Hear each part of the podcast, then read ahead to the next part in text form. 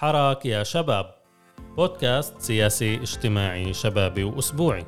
بستضيف فيه ناشطين لنحكي عن قضايا الحركات الشبابية. تابعوني كل أسبوع مع حلقة جديدة راح أكون معكم أنا ربيع عيد. إذا عندكم ملاحظات أو اقتراحات ابعتوا لي على الإيميل المرفق في تفاصيل البودكاست.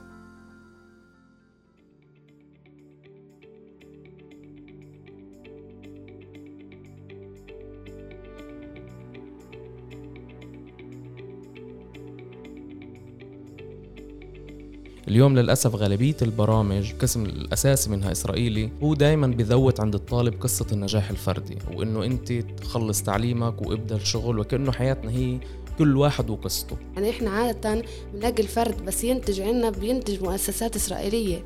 طب مش إحنا كمجتمع إحنا أولى في علمي ككونه فرد من مجتمعنا يعني. فهنا بت بتصير في ثقافة يمكن إحنا ما نستفيد منها لكن الجيل اللي بعدنا بيستفيد منها. اليوم بفرض آه، آه، بديل آه، أخلاقي اللي بقول للطالب إنه أنت جزء من مجتمع أنت جزء من قضية شعب أنت جزء من إنك تدفع مجتمعك للتغيير. ولما بنحكي تغيير ما بنحكي شعار واسع. فبالنسبة للي بدهم يفوتوا أول سنة تعليم دائما يعرفوا إنه في إلهن كمان ظهر بالجامعة في إلهن ملان حراك كمان بالتعليم اللي هن ممكن يساعدوهن الطلاب اللي كانوا قبل فهن يسألوا ويدوروا. لأنه إحنا هناك بنساعد كلياتنا بنساعد يعني أنا أول مرة فتت على الجامعة كان في كتير ناس اللي هي تساعدني إني أتأقلم. إحنا في ظل وجود وضع سياسي ونخبة سياسية اللي بتدفعنا للتنازل عن هويتنا وعن كرامتنا مقابل فتات من الميزانيات. وهذا الخطاب للأسف بأخذ كثير من الدعم أحيانا في في مجتمعنا. إحنا بنشوف حالنا الصف المناقض الصف اللي بحارب هذا التردي الأخلاقي. سلامات لجميع المستمعين والمستمعات. حلقة جديدة من بودكاست حراك يا شباب. والحلقة اليوم رح تتناول عمل مؤسسات المجتمع المدني مع الشباب من خلال تسليط الضوء على تجربة جمعية الثقافة العربية من خلال برنامجها برنامج المنح الطلابية قررنا اليوم إنه نسلط الضوء على تجارب مؤسسات اللي هي ناشطة من سنوات مع جيل الشباب من خلال مشاريعها اللي كمان هاي المشاريع عم تفرز طلاب قياديين وناشطين في مجتمعهم وفي جامعاتهم برنامج المنح الطلابية صار له سنوات بنشط في مجتمعنا العربي وبيعطي منح عشرات المنح سنويا للطلاب الداخل الفلسطيني للدراسة في جامعات البلاد إن كان في أراضي 48 أو في ال 67 واللي هو كمان مش بس منح مادية كمان فيه برنامج تثقيفي وبرنامج تطوعي اللي الطلاب فيه على مدار ثلاث سنين بنخرطوا بشكل كامل في هذا البرنامج. للحديث أكثر عن الموضوع راح يكون معنا مصطفى رناوي من طاقم برنامج منحة روضة بشارة عطلة في جمعية الثقافة العربية. مصطفى ناشط سياسي وعمل في مؤسسات شبابية ومنسق سابق في حركة حق في الجامعات. وكمان رح تكون معنا أسيل حبيب الله من عين ماهل وهي خريجة برنامج منحة روضة بشارة عطلة وتدرس طب أسنان في الجامعة العبرية وهي ناشطة مجتمعية. وكمان رح تكون معنا بدور العقبة طالبة في جامعة حيفا الأصل من قرية العراقيب تهجرت منها مهتمة في الثقافة الفنية والأدبية وهي سنة تانية في مشروع المنحة في جمعية الثقافة العربية. أهلا وسهلا فيكم. أهلين ربيع.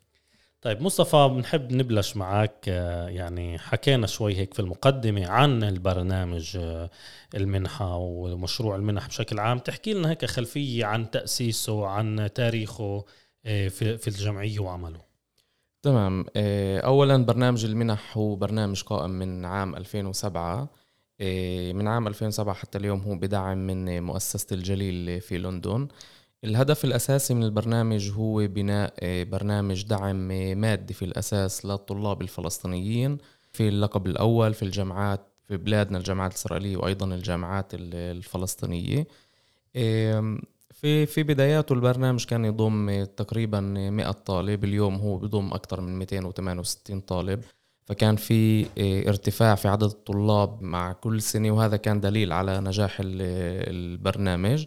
المشروع يعني لحدا بده يقدم عليه. إسا قريبا بهذا الشهر شهر تسعة بتفتح الجمعية كل سنة التقديم على مشروع المنح. إيش الطالب اللي بنقبل المسار اللي بمرقه داخل هذا المشروع؟ من ناحية دعم أكاديمي أو مادي أو برنامج تثقيفي. إيه، إحنا ب 13 9 هاي السنة راح يتم فتح التسجيل للبرنامج. رح نضل نستقبل الطلبات لشهر 10 البرنامج هو مقسم لثلاث أقسام. أولا إحنا الضمان الأساسية في البرنامج هي مساعدة الطالب أكاديميا لحتى يمرق ثلاث سنوات تعليميات يعني عادة بنهي فيها اللقب الأول. ولكن الشيء الأساسي في البرنامج هو البرنامج التثقيفي. في عندنا برنامج تثقيفي اللي هو بركز على الهوية الوطنية وعلى برامج التمكين الذاتي وأيضا على تقديم قيم العدالة ومناصرة حقوق الإنسان آه، منها مثل يعني ورشات آه، حقوق النساء وورشات الجندر. الهدف منها من هذا من هاي الورشات كلها ومن هذا البرنامج هو إنه إحنا ما بدنا بس طالب جامعي يفوت على الجامعة ينهي تعليمه. اليوم للأسف غالبية البرامج القسم الأساسي منها إسرائيلي هو دايما بذوت عند الطالب قصة النجاح الفردي وإنه أنت تخلص تعليمك وابدأ الشغل وكأنه حياتنا هي كل واحد وقصته. البرنامج اليوم بفرض آه، آه، بديل آه، أخلاقي اللي بقول للطالب إنه أنت جزء من مجتمع أنت جزء من قضية شعب أنت جزء من إنك تدفع مجتمعك للتغيير. ولما بنحكي تغيير ما بنحكي شعار واسع وإنما من خلال برنامج مكثف مهني ومدروس لثلاث سنوات اللي بيبدأ فيه الطالب ياخذ ورشات مختلفة في السنة الأولى بنركز أكثر على الهوية الوطنية وقضية الغربة اللي بترافق الطالب في دخوله للجامعة الإسرائيلية بالذات. في السنة الثانية والثالثة بنركز أكثر على كون الطالب إحنا بدنا يتخرج وهو عنده الدافع للعمل لمجتمعه إنه يقدم له أكثر من خلال عدة ورشات من ضمنها الورشات التثقيفية ولكن أيضا من ضمنها الورشات اللي بتحث على العمل التطوعي وعلى الإنتاج وعلى المبادرة. هذا بشكل عام نشوف إنه في جولات وأيام تطوع كمان اللي بتصير ومؤخرا كنتوا في مدينة القدس آه، صحيح. وكان في 160 طالب وطالب يعني تحكي لنا شوي عن زيارة القدس. صحيح. آه، البرنامج التثقيفي جدا واسع ويمكن أنسى بعض التفاصيل الصغيرة آه، لأنه هو برنامج اللي تم تطويره في في السنوات الأخيرة وباخذ أكثر من جانب. في موضوع جولة القدس هذا كانت تحت مشروع هذه بلادي. وهذا مشروع اللي بتقدمه جمعية الثقافة من خلال برنامج المنح للطلاب ولكن أيضا لخارج لطلاب من خارج المنح. اللي إحنا بيكون عندنا كل سنة آه، في آه، جولة عامة اللي بقدمها البرنامج. هاي السنة كانت آه، في القدس العام الماضي كانت جولات في حيفا في القدس كان في عندنا 160 طالب اللي تعرفوا على تاريخ المدينة وأيضا على حاضرها من الناحية السياسية وكل سياسات الاحتلال الإسرائيلي اللي بتحاول تحاصر المدينة وتهجر تهجر أهلها. في الشيخ جراح شفناها كنتوا موجودين. كنا موجودين في الشيخ جراح وتمت استضافتنا من الأهالي في الشيخ جراح كنا أيضا في سلوان كنا في أيضا في بعض المطلات اللي شرحنا للطلاب جغرافية المدينة وفي النهاية كان في عنا جولة في مع مرشدين من مدينة القدس. طبعا كل اليوم رافقنا المرشد داوود الغول اللي كانت الجولة في البلدة القديمة بتحكي عن عن تاريخ البلدة وعن سياسات ال ال الاحتلال. يعني إحنا كتير حكينا على القدس ولكن أيضا في البلده القديمه اللي هي بتشكل لب الصراع يعني في في القدس.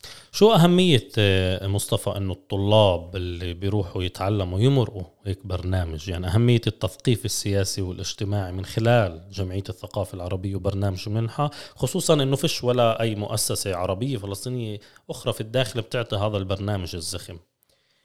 اولا بقدر أقول إنه البرنامج كان منقذ لقسم من الشباب والصبايا وأنا هون بحكي من الناحيه الثقافية وأيضا التعليمية. إحنا في ظل وجود وضع سياسي ونخبة سياسية اللي بتدفعنا للتنازل عن هويتنا وعن كرامتنا مقابل فتات من الميزانيات وهذا الخطاب للأسف باخذ كثير من الدعم أحيانا في في مجتمعنا. إحنا بنشوف حالنا الصف المناقض الصف اللي بحارب هذا التردي الأخلاقي. إيه، فلهيك التثقيف السياسي هو جزء أساسي من من البرنامج. إحنا بنحكي على تقريبا أكثر من 14 عنوان تحت عدة ورشات. إيه، يعني تحت عناوين الهوية الوطنية الرواية التاريخية. أيضا في في حالة الكورونا كان عندنا في برنامج خاص اللي كان يحكي عن أسئلة العدالة في في فترة الكورونا وهو مش برنامج ثابت. يعني في ورشات ثابتة معينة ولكن هو أيضا آه، بحلل وبتعامل مع الأحداث السياسية الكبيرة مثل هبة الكرامة. بأنه إحنا نقدم لطلابنا المحتوى الوطني والرواية الحقيقية تجاه هاي المواضيع مقابل الإعلام الإسرائيلي والجامعة الإسرائيلية اللي هي دائما بتحاول تقدم الرواية تاعتها الرواية الصهيونية. آه، هذا البرنامج اللي فيه أكثر من ورشة وفيه أيام تطوعية إحنا بنحكي على برنامج جدا زخم. نتائجه كانت بأنه إحنا شفنا طلابنا بالذات قبل أربع أشهر في هبة الكرامة آه، جزء من الشارع جزء من غليان الشارع جزء من التنظيم الحقوقيين. عذرا على الخروج عن الحوار بس بدي أحكي للمستمعين إنه يتابعونا في منصات البودكاست المختلفة. اعملوا لنا subscribe و follow وبتلاقونا في موقع عرب 48 مع كل حلقات البودكاست. متابعتكم إلنا مهمة كثير وبتساهم في نجاح البودكاست وعشان تضلكم عارفين عن كل الحلقات الجديدة. بدنا ننتقل عند أسيل حاليا عشان نتعرف أكثر على تجربة طالبة خريجي في برنامج المنح. أسيل أول شيء مرحبا. بحب تحكي لنا عن تجربتك الشخصية في برنامج المنح. أنت كنت ثلاث سنوات وتخرجتي. كيف أثر عليك؟ كيف ساعدك؟ كيف خلاك تكوني أكثر منخرطة في الشأن العام؟ أنا أخذت المنحة بأول سنة تعليم إلي وكيف ما كان حكى مصطفى المنحة كانت بالنسبة إلي منقذة. إيه، إن من ناحية اقتصادية إيه، جدا ساعدتني. وبالأساس من ناحية تثقيفية ومن ناحية وطنية هي عملت لي ممكن نيجي نحكي إعادة تأهيل بالنسبة لي إيه، دائما إحنا كنا إحنا شعب اللي بحسه هون مضغوط بدنا نخلص كل إشي وأقل إحنا بنحط بنحط تجديد على الهوية والثقافة العربية تبعيتنا بخلال الثانوية وما بعد الثانوية. بدنا نفوت بسخومتري بدنا نخلص بدنا نقبل فدايما إحنا بنبعد عن هذا الإشي عن قوميتنا عن ثقافتنا. وكمان إيه بحس أنا بحكي لك من تجربتي الشخصية بالرغم من إنه أهلي يعتبروا وطنيين دايما كانوا يحكوا لنا أي إشي سياسي بتبعدوا عنه تفوتوش بالسياسة تناقشوش سياسة تعملوش إشي.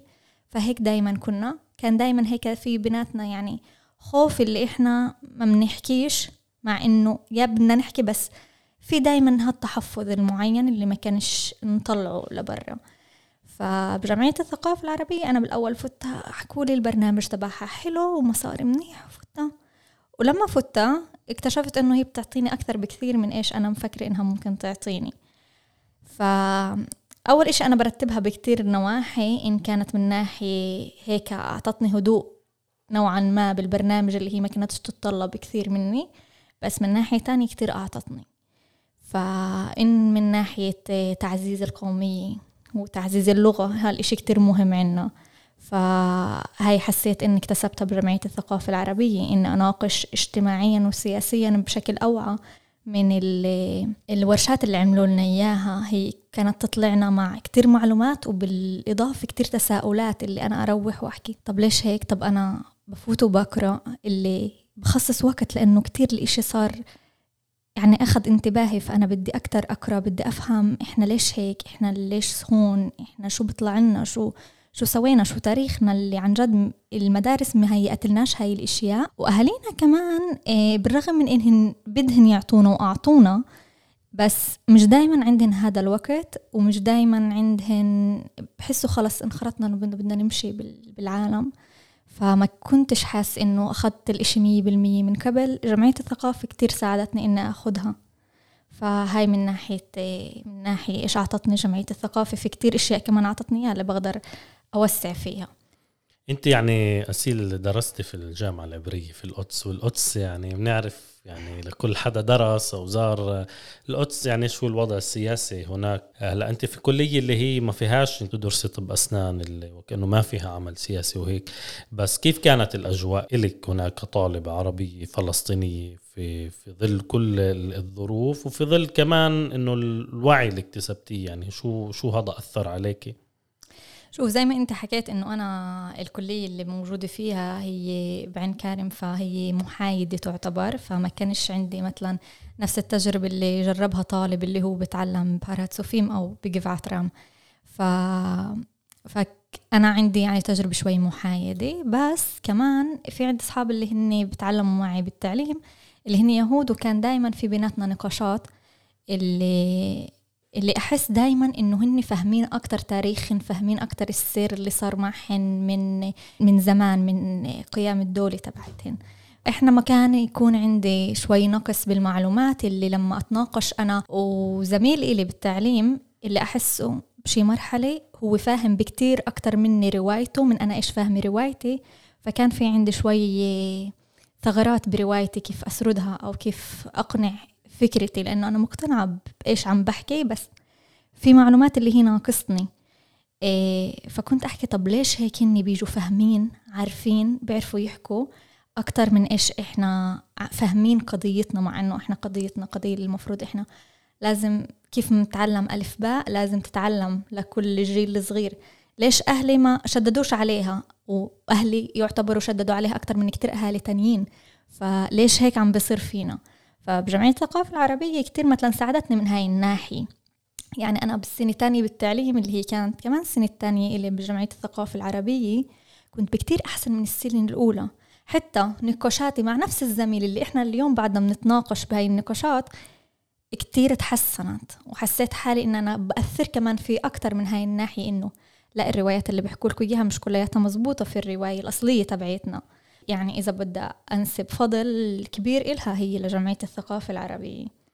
ويمكن يعني أسيل اللي ذكرتيه كمان مهم يعني نشوفه في في شيء أوسع اللي هاي أنت تجربتك واحدة بس صار في مئات اللي تخرجوا من البرنامج. يعني زي ما ذكرت مصطفى من 2007 لليوم قرابة الألف خريج وخريجة من البرنامج وطبعا قسم كبير منهن صرنا نشوفهن.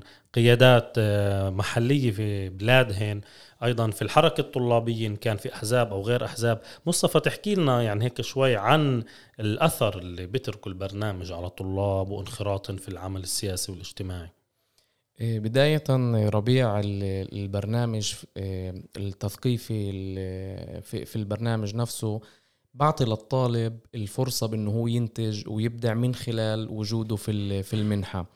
وفكرته بالأساس بتكون على أنه أنتم مش بس موجودين في منحة بتاخدوا إيه، إيه، دعم مادي ولا أيضا موجودين في برنامج اللي بتكتسبوا معلومات بدون ما تقدموا أو ترجعوا هاي الإفادة لمجتمعكم ولبيئتكم وقبل التخريج هن جزء من طلابنا بيكونوا جزء من مبادرات محلية. يعني إحنا بنحكي على إنشاء مجموعات عمل شبابية مثلا في النقب في قرى أيضا في الجليل وفي المثلث. واحيانا الطلاب بقودوا هذا العمل بدون الرجوع لنا يعني بنشوف إنه طلابنا بس باخذوا استشارتنا في مواضيع معينة وهن بيكون في حركة شبابية وطنية بتعمل نشاط في البلد وطلابنا جزء منها. فبالتالي قبل التخريج بهي الثلاث سنوات إحنا ما بنعتمد فقط على إنه بنقدم للطلاب معلومات في الغرفة المغلقة. بيكون في حيز واسع على إنه ينتجوا ويبادروا خارج آه، الورشات اللي تقدم في جمعيه الثقافة العربية. آه، من سنتين إحنا صار في تواصل أكثر مع الخريجين آه، وجزء من الخريجين اليوم أيضا موجود يعني بحكي على مستويين. المستوى الجماعي هن موجودين في حركات جامعية في في جامعات مختلفة وحركات شبابية وتنظيمات في في بلادهن وهذا شفناه في هبة الكرامة الأخيرة. إيه، وأيضا على المستوى الفردي نحكي على شخصية خريج اللي هي بدها تساهم في في مجتمعها. كمان ناجحين يعني مهنيا يعني. مية بالمية. هذا لا يقل أهمية آه, آه طبعا طبعا. أنا لهيك قلت إنه بحكي على مستويين المستوى الأول هو المستمع المستوى الجماعي التنظيمي والمستوى الثاني هو المستوى الفردي اللي إحنا بنشوف فيه قصص قصص نجاح. ولكن بالأساس إحنا بنركز على إنه القصص النجاح هاي مش فقط فردية. وطبعا قصة النجاح الفردية هي شيء جدا مهم. ولكن قصة النجاح هاي الخريج بقدمها لمجتمعه. يعني إحنا شفنا عشرات المحاميين والمحاميات المتطوعين اللي هن من خريجينا كانوا في في الهب الأخير بيساندوا المعتقلين واهاليهم بشكل تطوعي. إيه، في كمان اليوم مبادرة من خريجين في اللي تعلموا مواضيع الهندسة لا في ليقوموا بمشروع للحفاظ على التراث المبني الفلسطيني في أرضنا. فبالتالي كل شيء استفادوا يعني هذا هو الأثر بالأساس. إنه إحنا البرنامج بخرج شباب واعي وطني مهتم في في قضيته مش فقط في النجاح الفردي مع كل الأهمية للنجاح الفردي. إيه بدور بدي أسألك يعني بالنسبة للحكى عنه مصطفى عن كل موضوع التثقيف آه، يعني اللي بيكون بالبرنامج كيف في أنت عليك بشكل شخصي أثر عليك؟ في قضايا صرت تفهمي فيها أكثر إيه صار عندك اهتمامات تجاه قضايا معينة أكثر فتحكي لنا أكثر عن تجربتك الشخصية. أنا شخصيا بهتم في عندي حب استطلاع كيف التعامل القانوني من الدولة لأن كعرب داخل الخط الأخضر. بسبب الورشات اللي كانوا يعطونا إياهن اتعرفت أكثر على كيف ممكن أوصل لهذه القوانين كيف أبحث عن هاي القوانين. فبلشت أبحث بالمقابل كيف التعامل قانونيا كان معنا كمجتمع يعني في النقاب. فكان في اختلاف. شيء طبيعي كونه إنه بنية اجتماعية تختلف. جميل. آه، بدور أنا بدي أنتقل لك يعني بالنسبة لموضوع التحديات يعني اللي بتواجه الطلاب العرب. آه، ممكن تحكي لنا يعني أنت مثلا إيش بتنصح الطلاب آخرين موجودين في الجامعة؟ أو ممكن بدهم ينضموا آه، للتعليم يعني قريبا انهن عشان يعملوا عشان يعني يتجاوزوا يعني ويتخطوا هاي التحديات اللي بوجهها الطلاب العرب. اولا أنا بنصح يعني كل طالب علم إنه يتذكر إنه عنده مجتمع يعني من المفروض إنه هو يكون إنه الطالب يعني يكون عنده امانه للمجتمع اللي هو عنده علم اللي يمكن مجتمعي ما عنده إياه أو ممكن ما بيستغل بطريقة صحيحة. فهو لازم يبني هذا اللي ينتج داخل مجتمعه. يعني إحنا عادة بنلاقي الفرد بس ينتج عندنا بينتج مؤسسات إسرائيلية. طب مش إحنا كمجتمع إحنا أولى في علمي ككونه فرد من مجتمعنا يعني. فهنا بتصير في ثقافة ويمكن إحنا ما نستفيد منها لكن الجيل اللي بعدنا بيستفيد منها. ببلش أول إشي الاقتصاد راح مهم جدا يعني من لنا كاقتصاد مجتمعي. ثانيا إنه أنا بنصح الطلاب إنه في عنا كتير طلاب يعني كوني طالب وكنت ساكنة في سكن الطلاب بالجامعة فبعرف الطلاب عارفة إيش يعني بيصير معهم.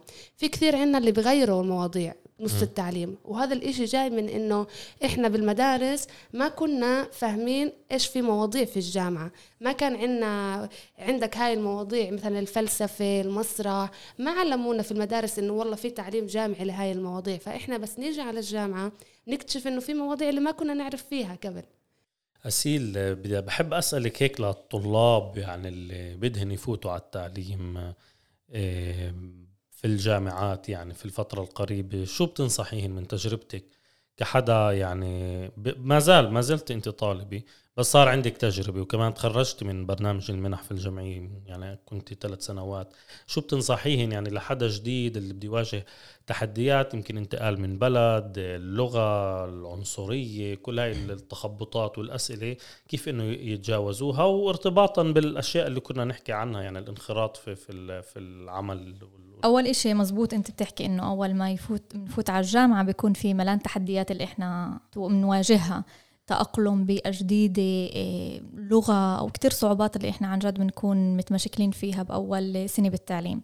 فبالنسبة للي بدهم يفوتوا أول سنة التعليم دايما يعرفوا إنه في إلهن كمان ظهر بالجامعة في إلهن ملان حراك كمان بالتعليم اللي هن ممكن يساعدوهن الطلاب اللي كانوا قبل فهن يسألوا ويدوروا لأنه إحنا هناك بنساعد كلياتنا بنساعد. يعني أنا أول مرة فتت على الجامعة كان في كتير ناس اللي هي تساعدني إني أتأقلم. ومن شكل عام كمان إنه صح الجامعة هي تجربة تعليمية منيحة كتير بس كمان هاي سنين بحياتنا اللي إحنا بنقدر نعطي فيها وبنقدر نكتسب أشياء كتير فيها ونتعرف على حالنا ونعطي المجتمع فيها نفيد كتير المجتمعنا إيه وبشكل عام. فكمان يدوروا على مشاريع اللي هي تنمي ذاتهن أكتر اللي هن يطوروا من حالنا أكتر إيه ينخرطوا أكتر بالمجتمع بقضايا المجتمع وكيف هن ممكن يشوفوا حالهن يساعدوا المجتمع لأنه هدول الناس هن في عندهم إيش يعطوا بكتير أكتر ما إيش إحنا بنتخيل. يعني أنا إسا بشوف حالي إنه كتير بعطي أكتر من إيش كنت أنا مفكرة إني ممكن إني أنا أعطي بيوم من الأيام. وبدي أضيف شغلة كمان حكاها إسا مصطفى اللي من ناحية خريجين اللي أنا خريجي من منحة روضة عطلة إيه اللي العطاء اللي أعطونا إياه خلال هدول ثلاث سنين أعطوا فينا إشي اللي ما كانش مش واضح إلي أعطيه مسمى معين. اللي ما بيحكوا معي بدهن إشي أو بيسألونا على إشي دايما إحنا بنسأل آه آه بدنا نساعد أو بنكون بنحكي عن منح إيه، من يعني طلاب منحة نفسنا يعني بالجامعة. ونصير نحكي آه شو رأيك نروح على الجمعيه نطل عليهن نشوف شو بدن فهي ما بتصيرش عندي ولا بمحل تاني كانت الإشي. فهني أعطونا زي كأنه روح تطوعية معينة اللي ما اكتسبتهاش بولا محل تاني. وبالإضافة لهيك حسسوا إنه أعطوني حس مسؤولية معينة اللي أنا لازم أعطي مجتمعي لما يصير معي مقدرة أكتر إني أعطيهن إن كان من ناحية ثقافية اقتصادية كمان للمستقبل. فدايما في عندي هذا الإحساس اللي أنا زي اللي مجبورة لمجتمعي عشان حالي وعشان مجتمعي. فهذا الإشي كتير مهم. فبرأيي الطلاب لازم ينخرطوا يشوفوا كمان حياتهم لأنه بيطلعوا كمان مع لقب وكمان مع كتير إشياء تانية. جميل جدا. مصطفى أنا بدي هيك في الختام أسألك يعني عن موضوع بتعلق مستقبل هذا البرنامج خصوصا يعني إنه البرنامج هو يعني مدعوم من مؤسسة الجليل في لندن زي ما ذكرت وكمان من عائلات فلسطينيات يعني بقدموا تبرعات آه، مؤخرا يعني على ما أعلم تم البدء بتحضير ل يعني يكون في اعتماد ذاتي وزي ما ذكرت أسيل إنه يصير كمان الطلاب بعدين اللي بتخرجوا يكونوا جزء من عطائهن لمجتمعهن. فكيف عم بتفكروا بهذا الموضوع؟ يعني اللي هو موضوع صندوق خريجين آه، لجمعية الثقافة العربية. إحنا ربيع فكرنا بهذا المشروع من أكثر من سنة إيه، لعدة أسباب. أولها كونه يعني إحنا بالسنة الأخيرة مثلا سجل تقريبا 4000 طالب تم قبول 85 طالب منهم ففي مئات من الطلاب المستحقين اللي ما بنقدر نستقبلهم إيه، في البرنامج بسبب محدودية المنح. إيه، فبالتالي كلنا إحنا بحاجة إنه البرنامج يتطور أكثر. ومع هيك كمان كان عندنا الخوف بسبب آه، أزمة كورونا إنه بعض الجهات اللي بتدعمنا عن طريق آه، آه، مؤسسة الجليل في لندن إنه ما تقدر تكمل دعمها بسبب وضع عالمي يعني مش بس مش وضع خاص فقط في المنحة. فهدول السببين خلونا نفكر في موضوع الصندوق الصندوق الدعم المجتمعي. اللي إحنا بعد عمل طويل بعد عدة استشارات بعد عدة يعني أمور اللي فحصناها كمان مع خريجينا وكمان مع ناس من بريت من خارج المنحة سيتم الإعلان عن هذا الصندوق بنهاية السنة الحالية. وهو صندوق اللي هو مفتوح لكل مجتمعنا بإنه يدعموا هذا البرنامج. إحنا كمان مرة نحكي على برنامج اللي هو بالأساس إيه، خايف وكلكان وعلى أبناء شعبه بحاول يحتضنهن ويحتويهن في برنامج برنامج وطني برنامج تثقيفي برنامج بقدم إيه، قيم إيه، العدالة مقابل منح كثيرة اللي بتقدمها الصناديق الإسرائيلية اللي هي يعني بتشوه من هوية شبابنا ومن من عملهن ومن تطوعهن. فبالتالي هذا البرنامج آه، لما قلنا مش بس بحاجة إحنا نحافظ عليه وإنما بحاجة لتطويره. بحاجة لما أنا آه، جمهور الهدف عندي في السنة بيكون 260 طالب لا يتحول ل 300 و400 و500 طالب. طبعا مع إنه في طلاب من ما ب يعني ما باخذ ما ما باخذوا المنحة المالية ولكن بيكونوا جزء من البرنامج التثقيفي العام. هذا الصندوق الهدف منه هو آه، تقديم هاي المنح من خلال آه، دعم آه، دعم شعبي يعني في توجه دعم شعبي واستقلالية يعني نوعا ما اقتصادية يعني يكون في كمان. 100% هاي هي الرؤية الأساسية إنه إحنا مجتمعنا بحاجة يدعم شبابه ويدعم طلابه من خلال رجال الأعمال الشركات الكبرى ولكن أيضا مفتوح لكل الناس. وبالأساس كمان هو مفتوح بمساعدة. هون ما بحكي عن المساعدة المالية إنما تنظيميا اليوم اللي بده يشتغل في الصندوق هن خريجين المنحة. إيه، إحنا ما بنتعامل مع المنحة كقرض فهو مش إلزامي إنه الخريج هو يقدم هاي المساعدة. ولكن تفاجأنا أو ما بدي أقول تفاجأنا كانت المبادرة كثير حلوة إنه كثير من خريجينا صاروا على استعداد إنه هن بده يقدموا الدعم لهذا من خلال يعني لهذا الصندوق إن كان من ناحية مالية وإن كان من ناحية تنظيمية. لأنه هيك صندوق بحاجة للعشرات يشتغلوا آه، فيه. فشفنا مبادرات كثير ممتازة من من الخريجين من الطلاب اللي في السنة الأخيرة على استعداد إنه يشتغلوا في في هذا الصندوق. راح يتم إطلاق الصندوق في نهاية آه، هذا هذا العام. و ولهيك برنامج بتوقع يعني إنه يعني رح ينجح رح ينجح هذا الصندوق مع تحديات إحنا بنعرفها في ممكن في السنة الأولى ولكن إحنا بنفكر إنه آه، لما يسجل عندنا أكثر من 4000 طالب أو قريب ال 4000 طالب أنا بعرف إنه في مئات الطلاب اللي أنا بظلمهم إذا ما وفرت لهم آه، آه، صندوق دعم اللي يوصلهن على الجامعات ويخليهن يكونوا جزء من برنامج آه، غني ووطني ويقدموا من خلاله لمجتمعهم مصطفى رناوي وأسيل حبيب الله وبدور العقبة بدي أشكركم على المشاركة. بتمنى لكم التوفيق. بدرجتكم والتوفيق في مشاريع المنحة والصندوق ويعطيكم العافية. وشكرا أنكم إجيتوا. شكرا, شكرا ربيع. كثير ربيع. شكرا للمستمعين والمستمعات اللي تابعونا تابعونا في حلقات جديدة من بودكاست حراك يا شباب. كنت معكم أنا ربيع عيد.